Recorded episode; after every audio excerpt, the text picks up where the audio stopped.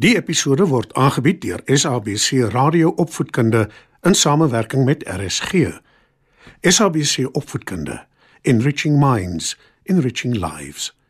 Opskud. Skryf nader en kom luister en leer saam.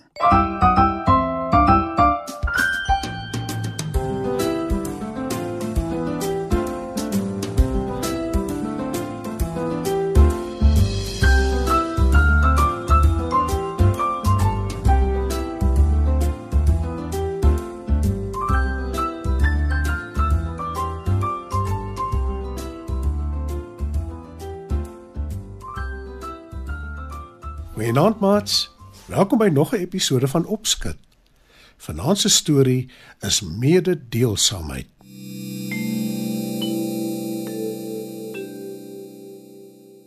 Maar eers musiek.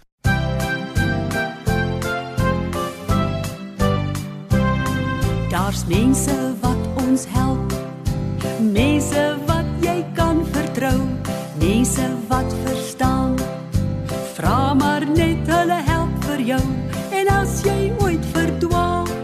Of soek net 'n bietjie raad, vra maar een van hulle.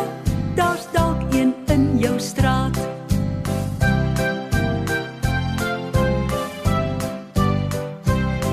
Polisieman sal altyd help. Sy werk is om te dien.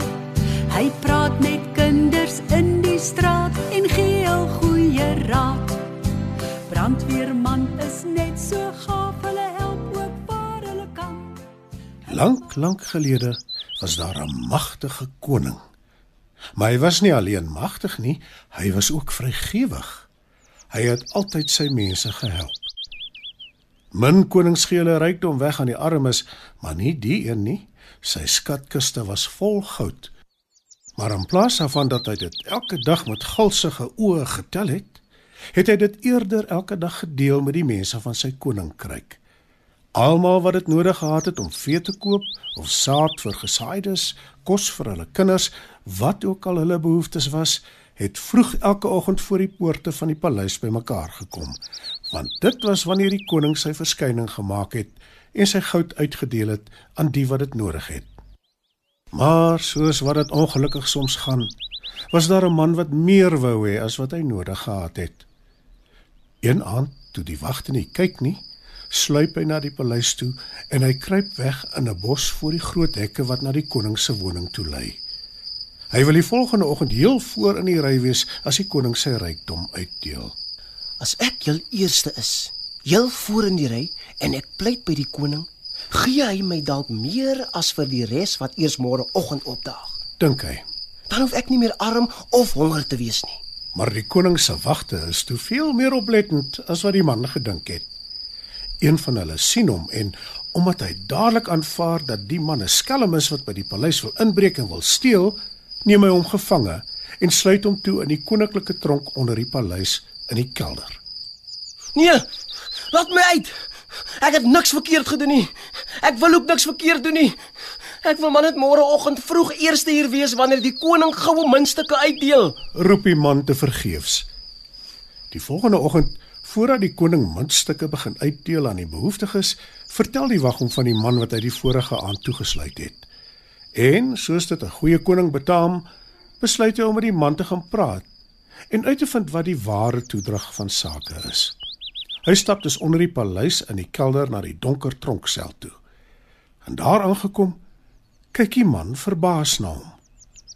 Die koning vra toe vir hom: Hoekom wou jy by my steel? Jy weet tog seker ek gee graag en mildelik aan almal wat dit nodig het. Die man verduidelik dat hy nie 'n dief is nie, dat hy dit vir die wag gesê het die vorige aand, maar dat die wag hom nie geglo het nie. Ek was 'n goeie boer, 'n goeie besigheidsman. Ek kon goed vir my gesin sorg. Maar toe kom die droogte en daar is nie behoorlike oeste nie. Om alles te vererger, steel diewe ook nog my vee. Ek is hier omdat ek u hulp wil vra, u majesteit. Dit is die enigste rede. Ek sal nooit by u steel nie. Daarvoor is u te 'n goeie koning. sê hy. En die koning antwoord: En jy is 'n eerbare man, soos wat dit vir my klink. Die koning beveel toe sy wagte om die man uit die tronk te laat. Hy gee vir hom 10 goue muntstukke en hy wens hom alles van die beste toe. Die man bedank die koning en hy verlaat die paleis. Maar dit is ongelukkig nie die einde van die storie nie. Want dieselfde aand is die man weer voor die poorte van die paleis. Die wagte herken hom en neem hom nie weer gevange nie. In die volgende oggend is hy heel voor in die ry toe die koning uitkom om goue muntstukke uit te deel aan behoeftiges. Die koning herken die man en hy dink toe dat die 10 goue muntstukke seker nie genoeg was om hom uit sy moeilikheid te help nie. Hy gee toe vir die man nog 10 goue muntstukke. Maar dit hou aan en aan. Elke oggend wanneer die koning uit sy paleis kom om goud uit te deel, is dieselfde man heel voor in die ry om sy muntstukke te ontvang. Na 'n hele ruk roep die koning die man eenkant toe en vra: Hoekom is jy elke oggend hier om goud te ontvang? Jy is tog seker nie meer behoeftig nadat jy al hoeveel keer goud by my gekry het nie? Ek wil soos u wees, koning. Antwoord die man. Ek wil ook ryk en magtig wees.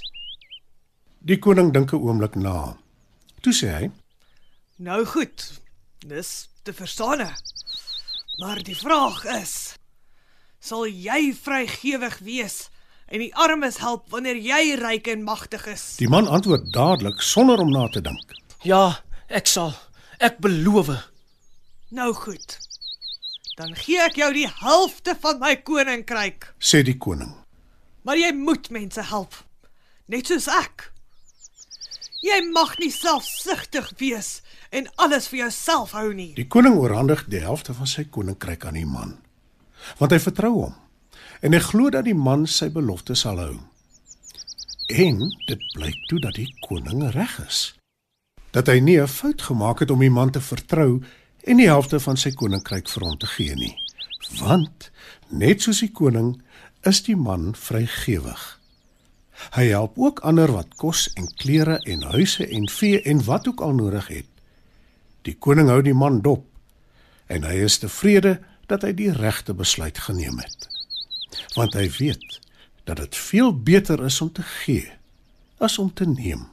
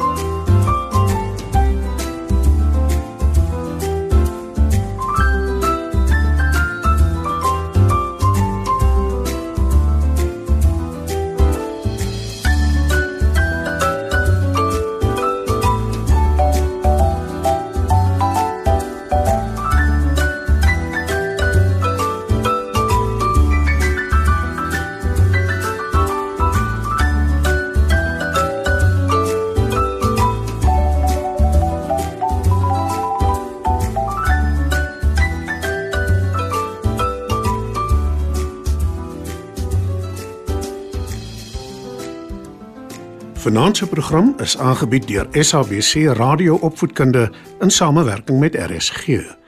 SABC Opvoedkunde, Enriching Minds, Enriching Lives.